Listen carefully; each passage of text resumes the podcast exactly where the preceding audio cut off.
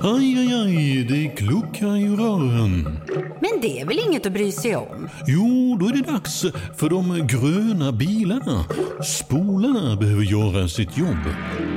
Spolarna är lösningen. Ah, hör du? Nej, just det. Det har slutat. Podplay. Och här kommer en nyhetsuppdatering. Först om att EU-parlamentet har röstat ja till nya körkortsdirektiv som bland annat innebär att åldersgränsen för att få köra A-traktor kommer höjas från 15 till 16 år. Det här sker trots motstånd från de svenska ledamöterna. Det lär dock dröja till i höst innan en uppgörelse är klar och ännu längre innan de nya reglerna träder i kraft.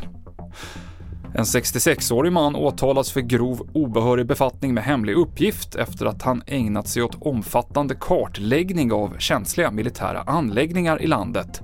Enligt åklagaren så har mannen förvarat de hemliga uppgifterna i sin bostad. Och den ryska oppositionspolitikern Alexej Navalnys begravning kommer att hållas på fredag i en kyrka i Moskva, uppger hans talesperson. Navalny dog i fängelse i Sibirien för knappt två veckor sedan och det har tidigare rapporterats om att ryska myndigheter pressat familjen att genomföra begravningen i hemlighet utan möjlighet för allmänheten att delta. TV4-nyheterna med Mikael Klintevall.